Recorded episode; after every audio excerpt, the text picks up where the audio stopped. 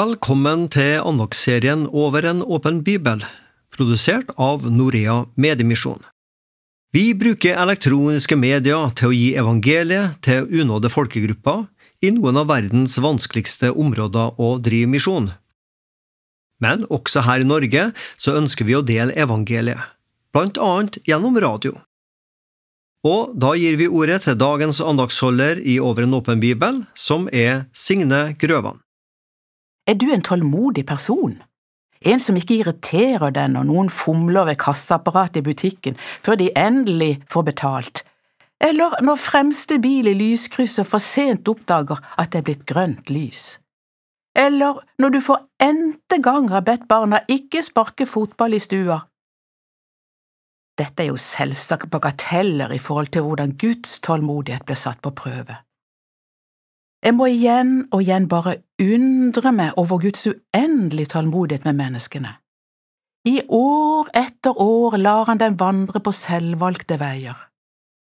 Men han taler til dem gjennom ulike omstendigheter, gjennom mennesker han har kalt til å være sin røst på jorden, gjennom naturen, for at de skal begynne å søke Han som hele tiden kaller på dem. En av disse røster var Enok, som vi kan lese om tre steder i Bibelen. Første Mosebok kapittel fem, Hebreabrevet elleve og Judas brev. Enok, står det i Bibelen, er denne syvende etter Adam og oldefar til Noah. Hans navn betyr utskilt, hellig. Jeg er så glad i Enok, for han blir beskrevet som en som vandra med Gud, og som Gud hadde behag i. Det står også at Enok ikke døde, han ble rykket rykket bort og inn i himmelen av Gud. Da var han 365 år. Ut fra Judas brev forstår vi at Gud hadde kalt Enok til å forkynne at folk måtte omvende seg, ellers måtte Herren komme med dom over menneskeheten. Se, sier Enok, Herren kommer med sine hellige engler i tusentall for å holde dom over alle og kreve hvert menneske til regnskap for alle ugudelige gjerninger de har gjort, og for alle trassige ord de har rettet mot ham, disse gudløse synderne, forkynte han.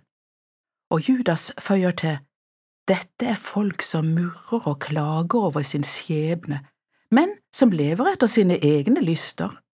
Med munnen taler de store ord, og de smigrer andre når de har nytte av det. Gud la en nød for menneskene innover Enok, for de var så elsket, så inderlig elsket. Men det kommer en dom for alle som vender Gud ryggen. Enoks skal være å advare og be menneskene omvende seg. År etter år gikk. Menneskene falt dypere og dypere i synd og opprør mot den gode Gud, deres skaper, som bare ville dem vel. Da Enok var 65 år, fikk han en sønn. Denne sønnen fikk navn Metusala, som har en forunderlig betydning. Når han er borte, så kommer det. Altså, når Metusalem var borte, så ville dommen komme. Metusalem levde i 969 år. Hele sitt liv understreket han farens domsbudskap gjennom blant annet navnet sitt. I over tusen år ventet Gud på at menneskene skulle vel omta han. For en tålmodighet, for en nåde for en barmhjertighet! Han venta, venta, men så til sin store sorg at gudsopprøret bare økte. Menneskene valgte å leve etter sine egne lyster. Vi kan lese om det i Første Mosebok seks. Herren så at menneskenes ondskap var stor på jorden, for alt de ville og planla i sitt hjerte var ondt, dagen lang. Da angret Herren at han hadde laget mennesker på jorden, og han var full av sorg i sitt hjerte.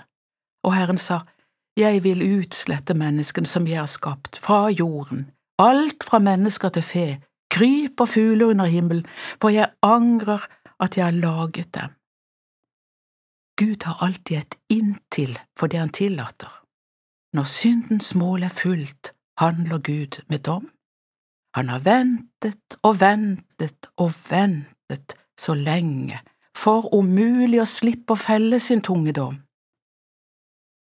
Så dør Metusela, 604 år etter at faren Enok var rykket bort av Gud. Samme året, dere, kommer vannflommen og dekker hele jorden. Bare Noah, Metuselas barnebarn, fant nåde hos Herren og ble reddet sammen med sin kone og sine tre sønner med koner. Enok, Metusela og Noah, som i 120 år bygget arken under hån og spott, var tre mektige vitner for Gud. Gud er verdens skaper, frelser, men òg dens dommer. Av ham og til hans ære er vi skapt. Dere, er vi villige til å forkynne Guds dom, den som ingen slipper unna? Er vi villige til å forkynne at Gud krever hvert menneske til regnskap for sine gjerninger, slik Enok forkynte? Er vi villige som Guds barn til å forkynne at dommen er en evighet uten Gud, en evig fortapelse, et evig helvete?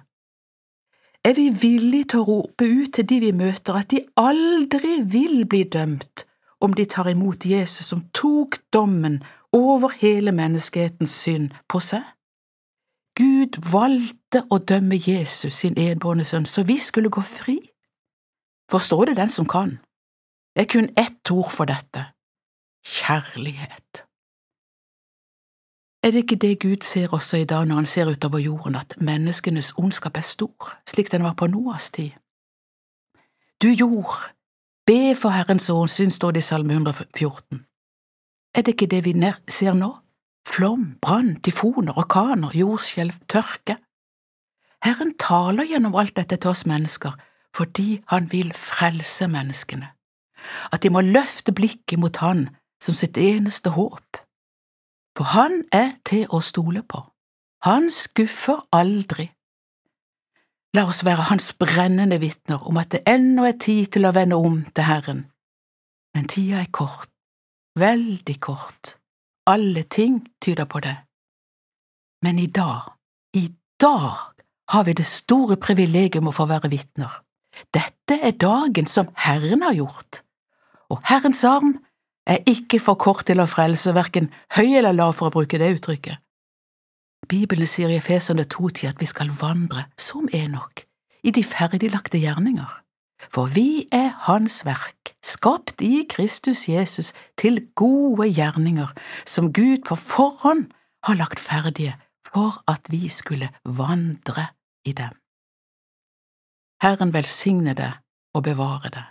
Herren la sitt ansikt lyse over deg og være deg nådig. Herren løfte sitt ansikt mot deg og gi deg fred.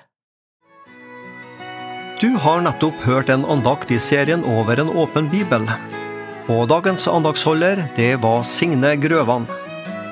Denne andagsserien produseres av Norea Mediemisjon, og les gjerne mer om oss på norea.no.